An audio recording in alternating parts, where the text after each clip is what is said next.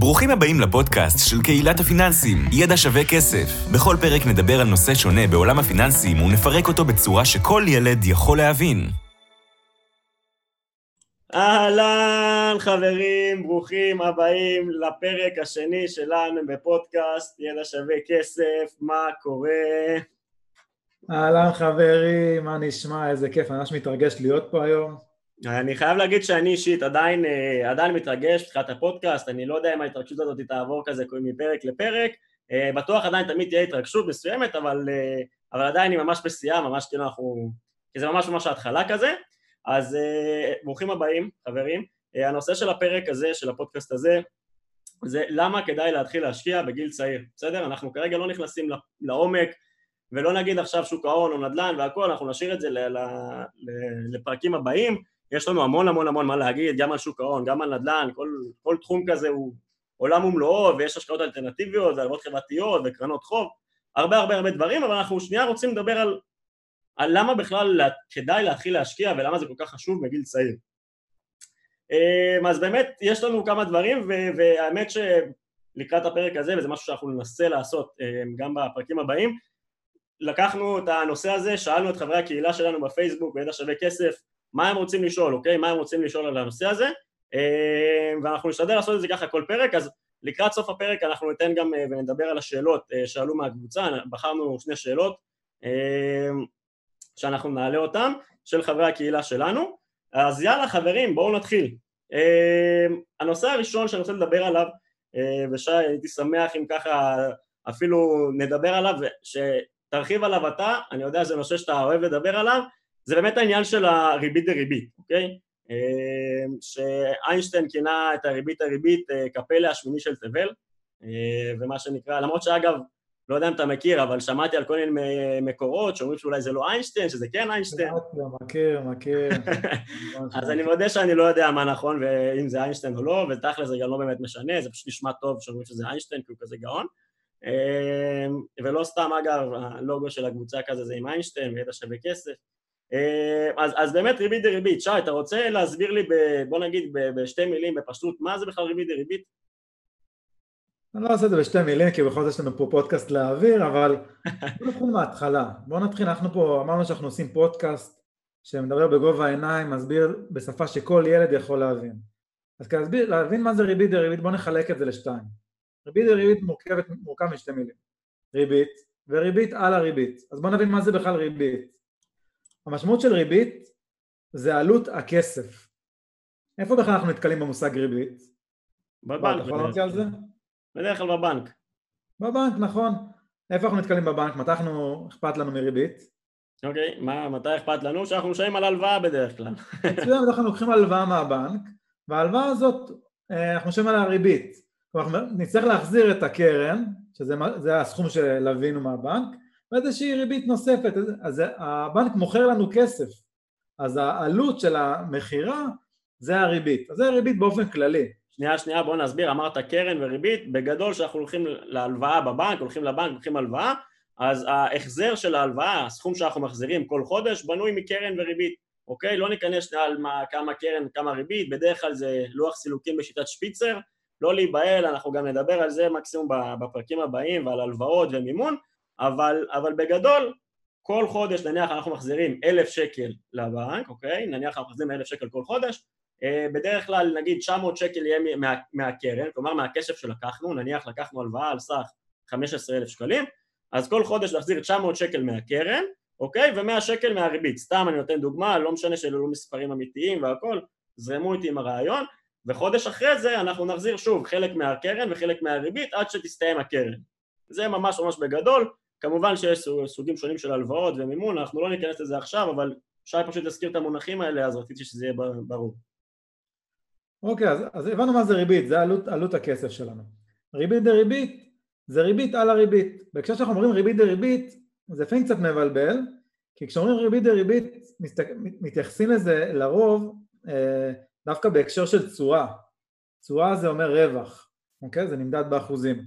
לא חושב שאומרים ריבית דריבית, אנחנו מתכוונים שהכסף שלנו עושה רווח, תשואה, לפעמים גם אנחנו קוראים לה ריבית, והתשואה הזאת, הרווח הזה, בשנה שלאחר מכן גם תעשה רווח. אוקיי? בואו ניקח דוגמה הכי פשוטה שיש. נניח ויש לנו 100 שקלים, ונניח המאה שקלים האלה יודעים לעשות ריבית או תשואה, זה לא משנה כרגע, נניח שזה אותו דבר לצורך הדוגמה, של עשרה אחוזים. אז עשרה אחוזים ממאה שקלים זה עשרה שקלים. אז בסוף השנה הראשונה יש לנו אה, מאה ועשרה שקלים. בשנה השנייה אנחנו עדיין יודעים נניח לייצר עשרה אחוזים ריבית או עשרה אחוזים תשואה. עכשיו זה עשרה אחוזים ממאה ועשר, כי זה הקרן החדשה שלנו, זה הסכום החדש. עשרה אחוזים ממאה ועשר זה אחד עשר שקלים, אחד עשר שקלים ועוד המאה ועשר זה מאה עשרים ואחת שקלים. שימו לב מה קרה, אנחנו ציפינו שנעשה עשרה אחוזים בשנה, כלומר עשרה שקלים, זאת אומרת היינו אמורים לעשות מאה שקלים, עשרה שקלים בשנה ראשונה, עשרה שקלים בשנה שנייה, סך הכל 120 שקלים, אבל נהיה לנו 121 שקלים. מאיפה זה הגיע השקל הזה? מהריבית דריבית, כי גם העשרה שקלים שלנו בשנה הראשונה עשו עשרה אחוזים שזה שקל, זה בעצם ריבית דריבית. אבל זה מה שנקרא במספרים קטנים.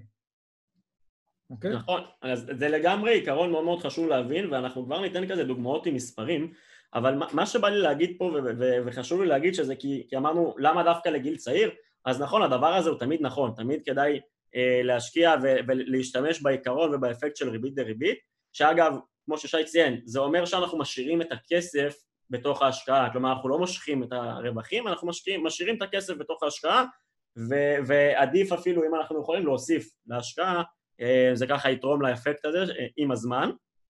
אבל מה שרציתי להגיד, למה זה חשוב דווקא לנו בתור צעירים, סבבה? אנחנו בתור צעירים, אה, לרוב לא יהיה לנו המון כסף, אוקיי? אה, אם זה יכול להיות שקצת עבדנו, אה, לא יודע, היינו בקבע, עשינו עבודה מועדפת, הרעיון הוא שבריבית דריבית דווקא הזמן זה מה שנותן לנו את הכוח, הכוח המאוד מאוד משמעותי הזה, כלומר הזמן הוא, הוא מה שמייצר את האפקט שיהיה כל כך חזק וכל כך משמעותי ותכף אתם תשמעו את המספרים ותהיו בהלם אבל הזמן הוא האפקט הקריטי פה, אוקיי? ברור ש... כמה כסף אנחנו משקיעים זה משהו שהוא חשוב, אבל הזמן הוא משהו חשוב שזה היתרון שלנו בתור צעירים, אוקיי? אה, מישהו בין 50-60 אה, שאולי יש לו המון המון כסף, אבל יהיה לו קשה אה, לנצל את האפקט של ריבית דריבית למשך 30 שנה לצורך העניין, כי בסופו של דבר הוא כנראה ירצה לחיות מהכסף הזה, ובגיל 50, אם הוא ירצה להיפגש עם הכסף רק בגיל 80, זה, זה פחות מתאים לרוב האנשים. אז דווקא אנחנו בתור צעירים יש לנו מה שנקרא את, ה, את הפריבילגיה הזאת להשתמש בכוח של הזמן, ו... ובואו נצלול שנייה לדוגמאות במספרים. אז אני, אני, אגיד, אני אגיד איזה רגע משהו.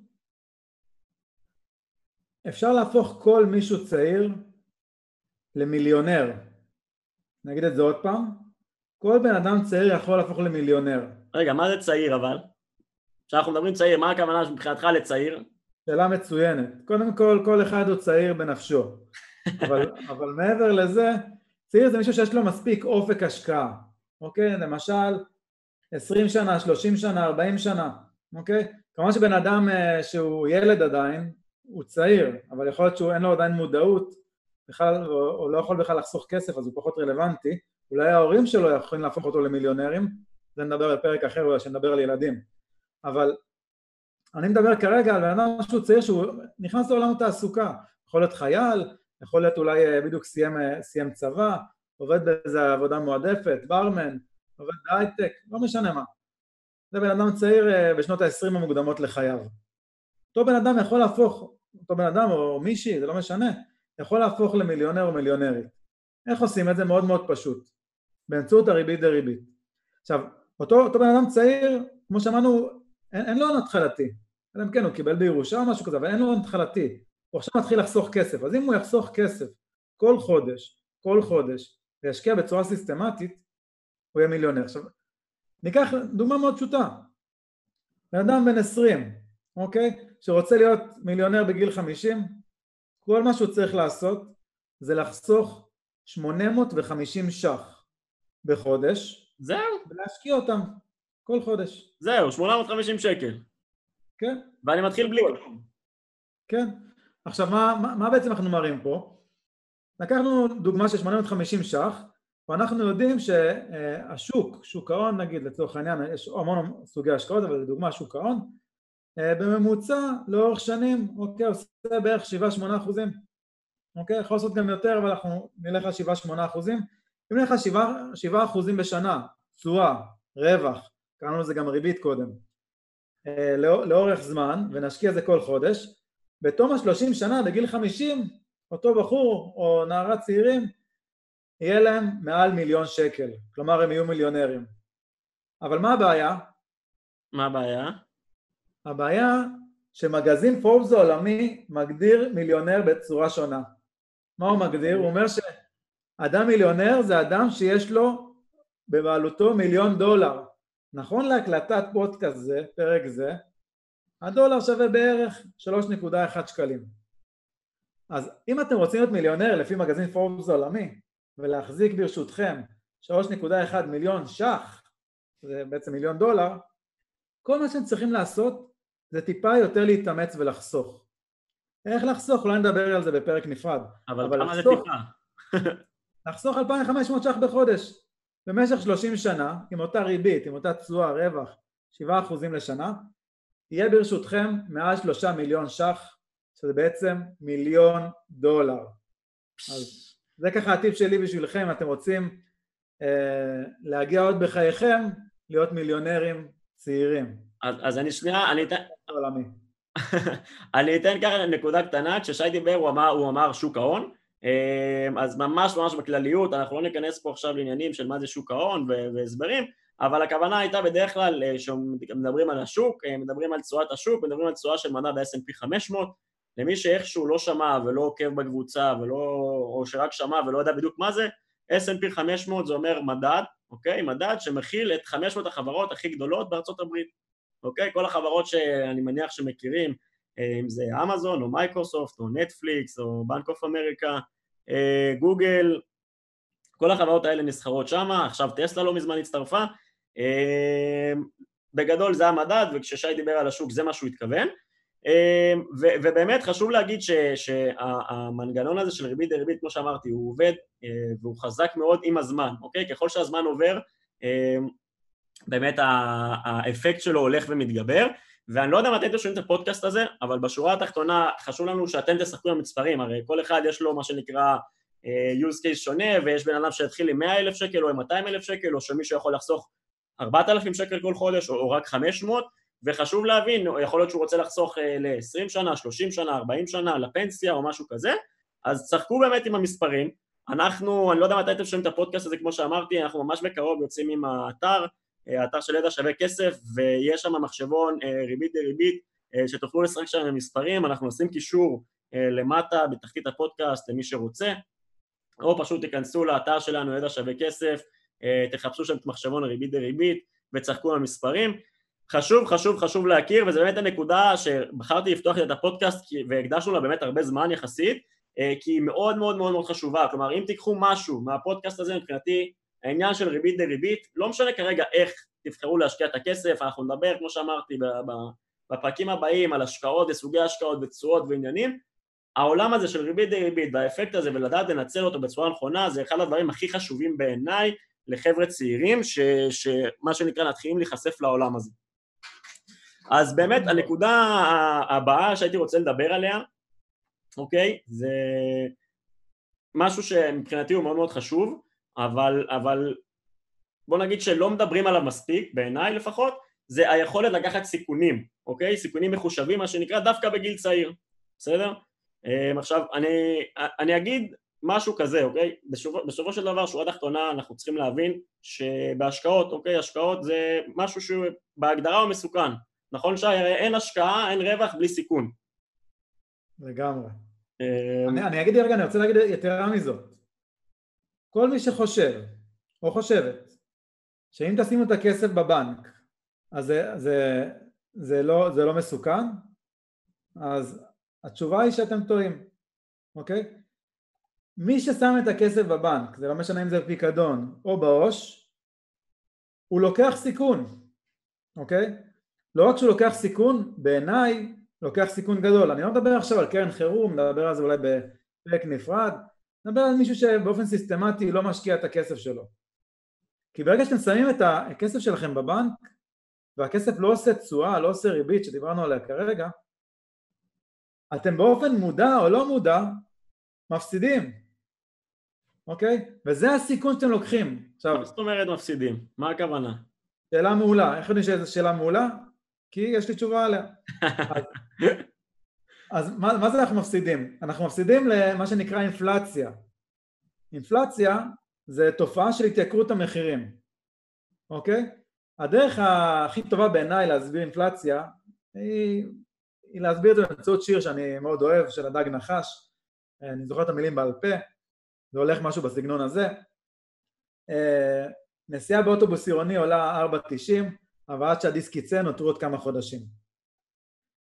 מה, מה שמנסים להגיד בשיר הזה, ואנחנו לא ניכנס פה לביאליק, זה שככל שעובר הזמן, הכסף שלנו נשחק, כסף שלנו שווה פחות. הכוח קנייה שלנו קטן. כלומר, עד, שה, עד, שה, עד שהשיר יצא או עד שהדיסק יצא נותרו כמה חודשים ואז המחיר של הנסיעה אה, העירונית יעלה.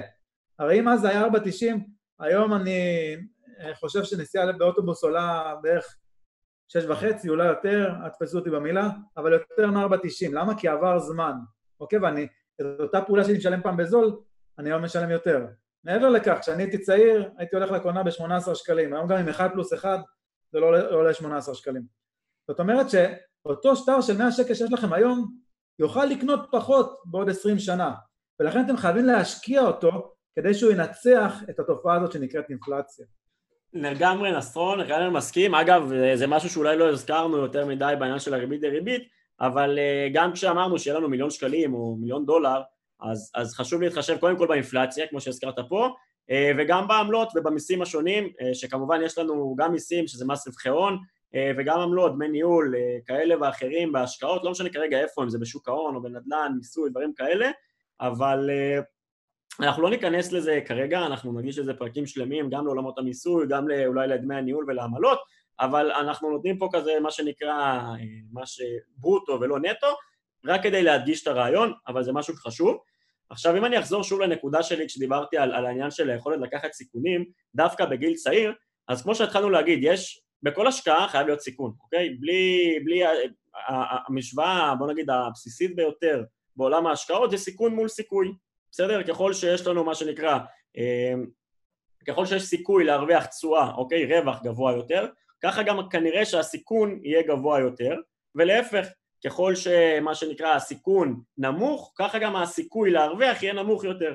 בדיוק כמו ששי אמר עכשיו, הכסף בבנק הוא כנראה בסיכון מאוד מאוד מאוד מאוד מאוד נמוך, כי כנראה שהבנק לא יקרוס, וגם אם הוא יקרוס כנראה שהמדינה תגבה אותו או מה שזה לא יהיה, ובגלל זה הריבית שם, לפחות כרגע, אוקיי, אנחנו מדברים על בינואר 2021, אמ, הריבית היא מאוד מאוד נמוכה, היא הייתה מאוד נמוכה הרבה שנים, ולפי הערכות היא תהיה נמוכה גם בשנים הקרובות, אז, אז הסיכון הוא נמוך, אבל גם התשואה היא נמוכה בהתאם, בסדר? אמ, ואם אנחנו נרצה מה שנקרא לקבל תשואה גבוהה יותר, אנחנו כנראה נצטרך לסכן את הכסף שלנו, בסדר? אמ, זה משהו שהוא מאוד בסיסי ומאוד הגיוני אם נחשוב עליו רגע, כי הרי אם היינו יכולים, סתם אני נותן דוגמה, אם אני אומר לך שי, קח עכשיו, בוא תשקיע עכשיו 100 אלף שקלים, אתה יכול לקבל 5% תשואה שנתית בבנק, או שאתה יכול לקבל 5% תשואה אה, שנתית אם אתה משקיע אה, באיזשהו אה, סטארט-אפ חדשני. מה היית בוחר? ברור שהייתי בוחר בבנק, הסיכון יותר נמוך והייתי מקבל את התשואה. יפה, אז, אז שי בן אדם רציונלי והגיוני, כמו שאנחנו יכולים להבין, ו... ולא במקרה. והוא היה מעדיף אה, מה שנקרא להשקיע את המאה אלף שקלים שלו במשהו שהוא בטוח, אוקיי? הרי ברור לנו שבסטארט-אפ אה, לא בטוח שנקבל את החמישה אחוזים האלה אה, ובבנק הסיכון הרבה יותר גבוה והסיכון לכסף שלנו הרבה יותר נמוך, אוקיי? בסטארט-אפ הסיכון הרבה הרבה יותר גבוה כמו שכולנו יכולים להבין ולכן בדיוק העולם הזה של, של התשואה והסיכון מול הסיכוי ומה שדיברנו עליו לפני רגע ככה זה עובד וזה לא שמישהו כתב את החוק הזה, זה פשוט אלה, אלה החיים, כלומר זה משהו שהוא מה שנקרא ברירת הטבע אה, וככה הדברים עובדים וככה העולם הזה של, של, של ההשקעות מתנהל ובשורה התחתונה מה שאני רוצה להגיד חברים שבתור חבר'ה צעירים לנו יש את הפריבילגיה לקחת סיכונים מחושבים, אוקיי? אני לא אומר לקפוץ למים ולעשות בלי להבין אבל בתור חבר'ה צעירים יש לנו את היכולת, או הפריבילגיה לקחת סיכון אה, דווקא עכשיו בגיל הזה כשאין לנו, או כשיש לנו פחות מה שנקרא אחריות ואין לנו עדיין כנראה משכנתה אה, ומשפחה אה, לדאוג להם, אז זה לדעתי, שוב, בעיניים שלי, איזשהו יתרון שלנו בתור חבר'ה צעירים, שאמורים, אמורים, אמור, אמור להבין לנו תשואה גבוהה יותר בסופו של דבר, כי אנחנו יכולים לקחת סיכון גבוה יותר, אז התשואה יכולה להיות גבוהה יותר. כמובן, כמובן, כמובן, כמובן, שוב, אני שם את זה במאמר מוסגר, אני לא מעודד לקחת סיכונים מיותרים ואני כן מעודד לקחת סיכונים מחושבים מתוך הבנה ולהבין מה אנחנו עושים, אוקיי? אמ, לא חלילה אומר עכשיו לכו קחו תשימו את כל הכסף אמ, את כל הכסף על אה, כרגע זה ביטקוין, יכול להיות שאגב זה יצליח, אבל כרגע אנחנו רואים שהוא מאוד מאוד תנודתי, אוקיי? זו השקעה מאוד מאוד מסוכנת, אני לא אומר שזה דבר רע, אני אומר שצריך לשים לב מה הסיכון, סבבה? אמ, זה משהו שאני, חשוב לי לדבר עליו, ובתור חבר'ה צעירים, אה, לקיחת סיכונים מחושבים בגיל צעיר זה משהו שהוא, אני לא אגיד נכון, אבל משהו שכדאי לקחת בחשבון, סבבה? אני אתן עוד דוגמה, אה, דווקא בתור אחד שנפגש גם עם הרבה הרבה אנשים מבוגרים ועוזר להם בעולמות הפיננסיים אז אני נפגש בהרבה אנשים שמתרפקים על העבר נגיד אדם בן חמישים שאומר אומר לי וואי איזה פספוס היה לי, איך פספסתי את ההזדמנות, אני אומר לו מה, מה קרה? הוא אומר יכולתי לקנות דירה, אתה יודע אז יכולתי לקנות דירה, היום היה, הייתה שווה פי, פי, פי ארבעה ומאז, מאז שהוא פספס את ההזדמנות כביכול, אותו אדם הוא עדיין בודק, בודק, בודק, בודק. אז לפעמים, אני אה, בן אדם שמאוד בודק, כן? אבל לפעמים צריך לקפוץ למים, לעשות את הצעד הראשון. צריך להבין שזה מצוין לבדוק, אבל אם אתם מאוד צעירים ואין לכם יותר מדי גם מה להפסיד באותה תקופה שהוא בדק כל כך הרבה, מחירי הדירות היו מאוד מאוד זולים, זה לא כמו היום, שהמחירים מאוד מאוד קפצו. אז אם הוא היה קונה, מה שנקרא על הבא באללה, אבל עושה קצת בדיקות מינימליות, אז יכול להיות שמצבו היום היה הרבה יותר טוב. עכשיו בסדר לפספס הזדמנות, הזדמנות יש כל יום, כל יום, כל, כל החיים יהיה לכם הזדמנויות. אז לא צריך לקפוץ על, על, כל, על כל קרון ברכבת שמגיע עבורכם. אבל אם עברו ארבעה קרונות ולא קפצתם על אף אחד, אז כנראה אתם קצת לוקחים את הזמן ובודקים יותר מדי. אז צריך למצוא איפשהו את הבלנס, איפשהו להיות באמצע. גם לבדוק כמו שצריך, אבל גם לא יותר מדי, כדי לא לפספס את הרכבת. אם נפספס את הרכבת, אז בסוף לא נגיע לתחנה שלנו, שהיא בעצם להגיע, להיות אה, אה, מיליונר מה-850 ש"ח בחודש, אם נחשוב על זה יותר מדי, או 2,500 ש"ח בחודש, אם נחשוב על זה יותר מדי, ולא פשוט נחסוך ונתחיל להשקיע, ואנחנו יודעים שהמטרה שלנו היא ארוכת טווח לצורך העניין. לגמרי, אני מסכים איתך במאה אחוז, ומשהו שחוויתי על בשרי, מה שנקרא, בכל תחום שהתעסקתי בו, אף פעם אתה לא יכול להיות מה שנקרא במרכאות מומחה, כן? אני לא אומר שמי שמתחיל להשקיע בשוק ההון או בן אדם הוא מומחה עכשיו, אבל אתה יודע, בסופו של דבר, הרבה דברים בתיאוריה הם אחלה, הם סבבה, אבל בתכלס בתכלס לומדים הרבה אה, כשמתחילים לעשות. כלומר, אי אפשר לצפות להיות מומחים או לצפות להגיע לרמת ידע מסוימת ורמת זה, בלי להתחיל לעשות בתכלס, סבבה? וזה מחבר אותי באמת לנקודה הבאה שאני רוצה לדבר עליה. אה, שהרבה פעמים שווה להתחיל, לפחות בעיניי, וככה אני התחלתי בגיל 17 בשוק ההון, שווה להתחיל רק בשביל ללמוד ולא בשביל להרוויח, סבבה? כלומר, אני אה, מאוד מאמין בגישה הזאת, במיוחד במיוחד בגיל צעיר, אני לא יודע, מבחינתי גיל צעיר גם יכול להיות, אה, אני בראש שלי גיל צעיר זה, זה חבר'ה בצבא או אחרי צבא, אבל גם חבר'ה בגיל 17, אוקיי? אני התחלתי בגיל 17 להשקיע בשוק ההון בצורה עצמאית, אומר לכם עכשיו, בראייה לאחור זה לא היה מעשה מאוד מאוד חכם, כי באמת הידע שהיה לי הוא מאוד מאוד מועט, אבל אני לגמרי לא מצטער לשנייה, ו- ואם אני אגיד שהיה לי מזל, אז המזל שהיה לי זה שבסופו של דבר, אני, הגישה שלי הייתה זה שאני בא בשביל ללמוד ולא בשביל להרוויח. כלומר, הכסף שהשקעתי, לא אמרתי, רגע, כמה אני ארוויח ואני אעשה תשואה והכל, קודם כל כי לא, זה לא היה סכומים מאוד מאוד גבוהים, זה דבר ראשון, זה היה כסף שעבדתי, אתה יודע, אתם יודעים, בחופש הגדול או דברים כאלה, אמ, והמחשבה שלי הייתה, סבבה, אני עכשיו לומד, כדי שבעתיד, שיהיה לי כסף, אוקיי, כשאני אעבוד בצורה מסודרת, שיהיה לי עסק, שלא משנה מה, אה, אני אדע איך להשקיע אותו, בסדר? אז, אז הרעיון הזה זה איזושהי נקודה, איזשהו טיפ קטן שאני יכול אה, להגיד שלי אישית הוא עבד, ואני באמת מאמין בו, לא תמיד זה ישים, אוקיי? אה, לצורך העניין, אם אנחנו רוצים להשקיע בנדל"ן והדירה המינימלית עולה, לא יודע מה, מיליון שקלים באזור שאנחנו רואים, או גם 400-500 אלף שקלים, זה לא סכום מאוד מאוד קטן שאפשר, אתה יודע, להתחיל איתו רק בשביל ללמוד ולהגיד מקסימום הפסדנו כסף, כי זה באמת הרבה כסף, אז כן צריך לקחת ולעשות את הדברים, אני אומר שוב, כמו ששי אמר, לראות איפה, איפה אנחנו ממוקמים בין הסקאלה של מצד אחד אה, לקפוץ לראש למים ו, ובלי ללמוד שום דבר, לבין הצד השני הקיצוני שלומד, לומד, לומד, לומד כל היום, אבל, אבל תכלס לא עושה את הצעד הראשון, סבבה? אז, אז העניין הזה, אה, לדעתי לפחות, אה, מאוד מאוד חשוב לעשות את הצעד הראשון, ובאמת איזשהו טיפ כזה קטן ממני, אה, באמת שווה להתחיל לעשות את, ה, את הצעד הראשון בשביל ללמוד ולאו דווקא בהכרח בשביל להרוויח, סבבה? זה איזשהו משהו... מעולה, מה מעולה שאנחנו רואים בקבוצה, הרבה אנשים אה, קוראים פוסטים כל יום, כל היום, קוראים, קוראים, קוראים, קוראים, קוראים, ואחרי שנה לא השקיעו אפילו שקל, והם קראו ויש להם כבר ידע, והם...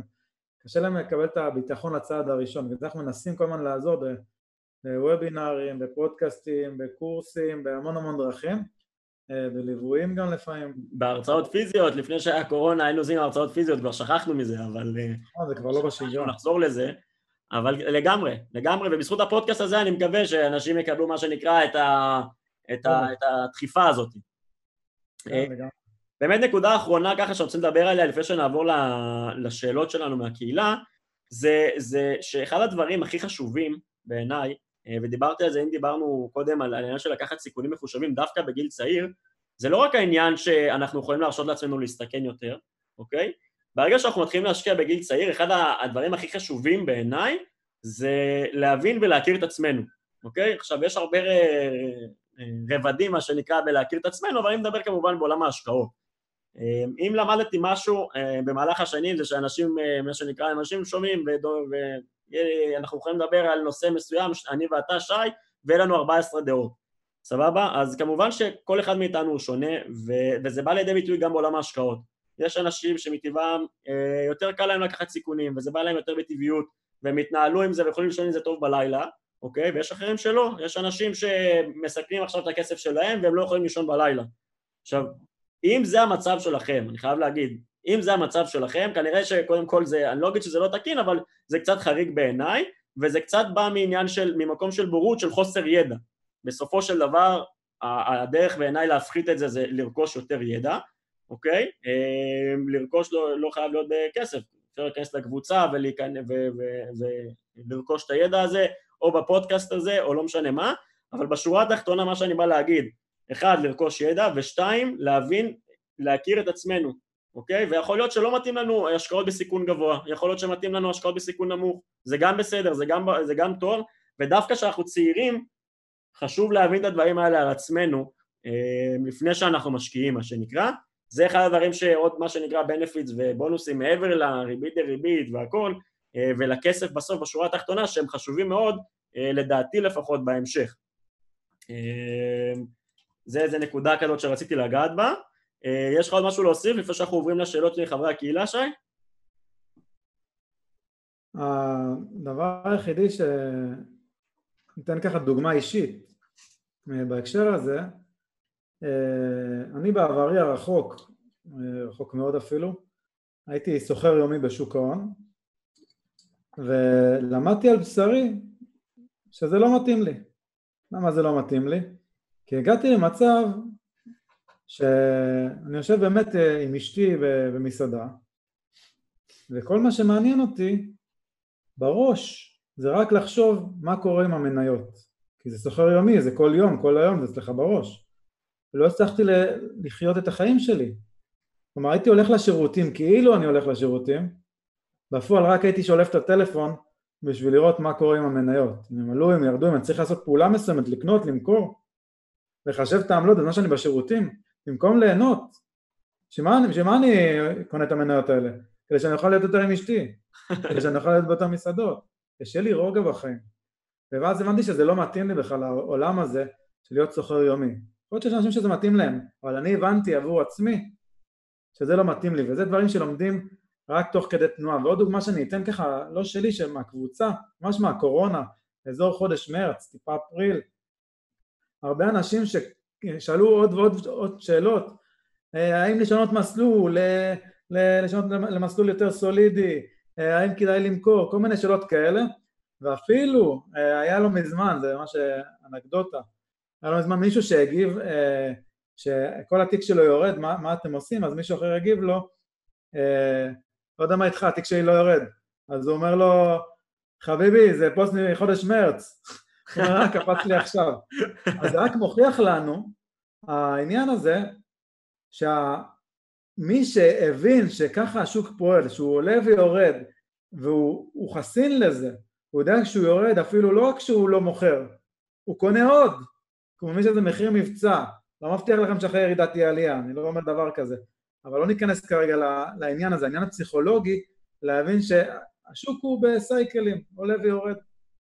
ואנשים שטיפה יותר מתוחכמים, או לא מתוחכמים אפילו, יותר עם ניסיון, שמכירים את עצמם יותר טוב, לא נפלו בדבר הזה ולא מכרו וקיבלו הפסד. זה ממש דוגמה אמיתית מהקבוצה שקרתה להרבה מאוד אנשים, זה פוסטים שחזרו עצמם שוב ושוב, ומקווה שאנשים ילמדו לאבא לא מה צריך לעשות, אלא מה הם צריכים לעשות באופן אישי. זה מה שאני להוסיף. לגמרי חשוב, ובאמת עניין של הפסיכולוגיה של המשקיעים, אולי נקדיש לו פרק כזה בהמשך, כי זה משהו מאוד מאוד חשוב, במיוחד בשוק ההון. אה, וכמו שאמרת, הדבר הזה באמת, הרבה פעמים הוא בתיאוריה לפעמים נראה ברור, מה, אני אקנה בזול ואני אמכור ביוקר? בתכלס, שזה קורה ואתה רואה את הכסף שלך יורד מול העיניים, הכסף שעבדת עליו קשה, זה לא כזה פשוט, זה לא כזה פשוט, ואני אומר את זה באמת מניסיון, גם אני הייתי סוחר פחות יומי, יותר סווינג, אמ, ו- ובאמת זה, זה משהו שצריך להבין ולהכיר ולשים לב אליו, וככה אנחנו נדע להתאים את ההשקעות אה, בעתיד עבורנו בצורה יותר נכונה, אוקיי? לא רק בהיבט של כמה תשואה נעשה וכמה רווח וצורת מטרה ודברים כאלה שנדבר עליהם בעתיד, אלא ממש להבין מה, למה זה מתאים, האם זה מתאים בכלל לנו אישית, אוקיי? אה, אישית אה, לכל אחד ואחד מכם.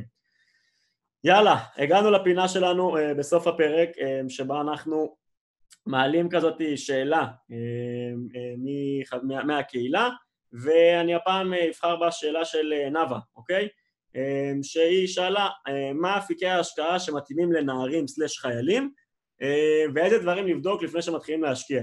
אז אתה רוצה לתת לנו כזה, שי, איזושהי, כזה, איזשהו, לענות לה לשאלה? כן. אז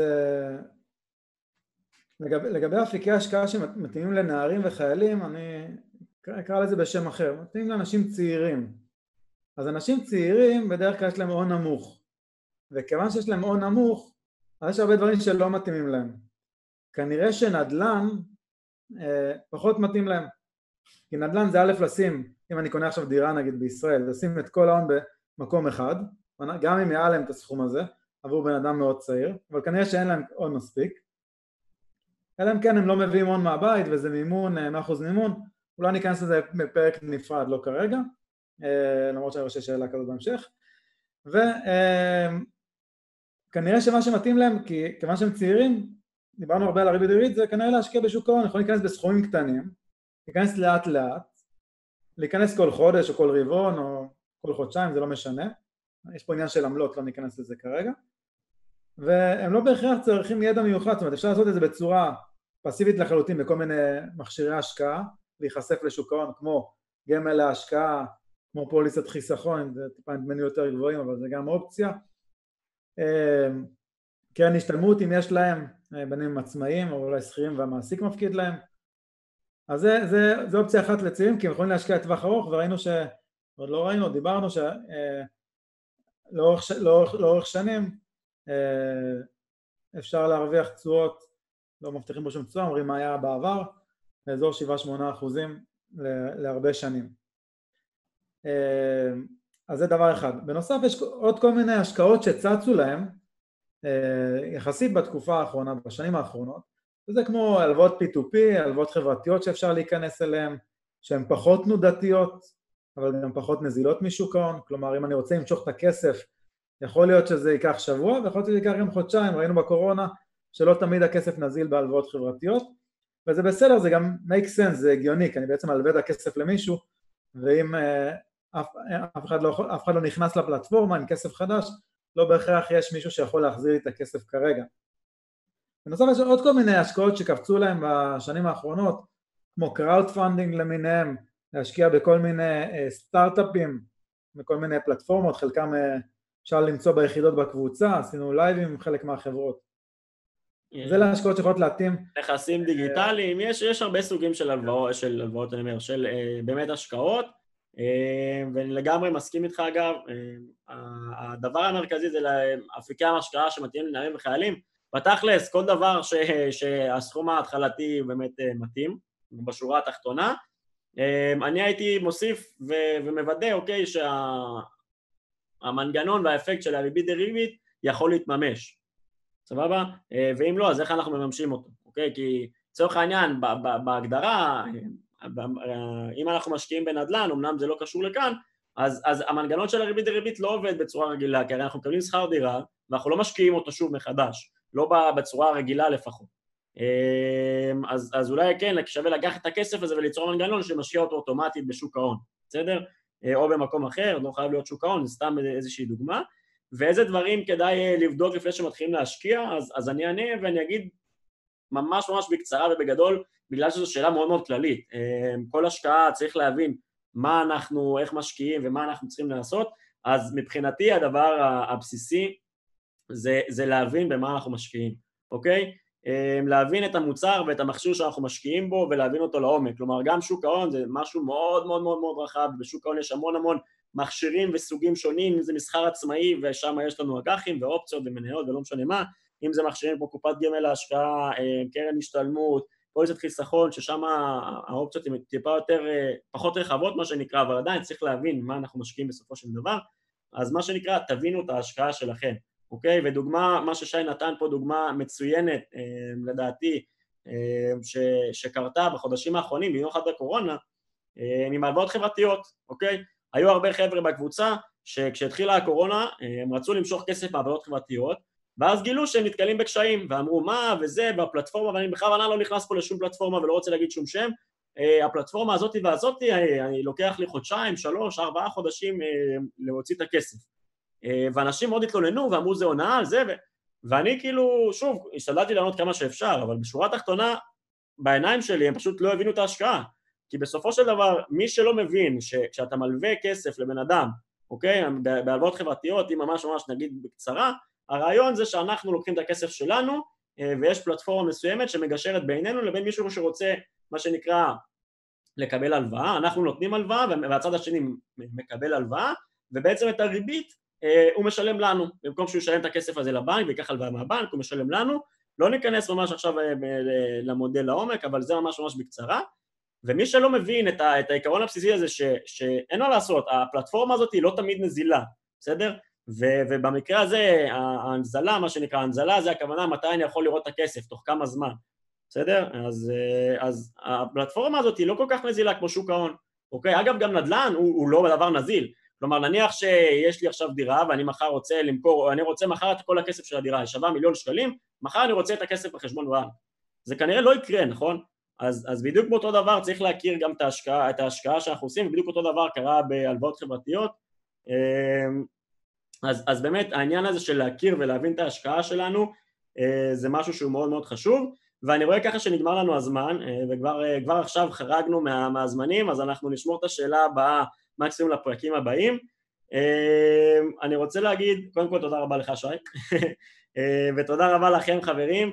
ואם יש לכם הערות או רעיונות או שאלות, דברים שאתם רוצים שנדבר עליהם בפודקאסטים הבאים תכתבו לנו בדף הרשמי שלנו, ידע שווה כסף, הדף הרשמי תכתבו לנו, אה, תכתבו לנו הודעה, אנחנו תמיד עונים שם, אנחנו נשמח לשמוע על כל רעיון, גם לפודקאסט, גם לדברים אחרים, אה, ונתראה בפרק הבא חברים. ביי.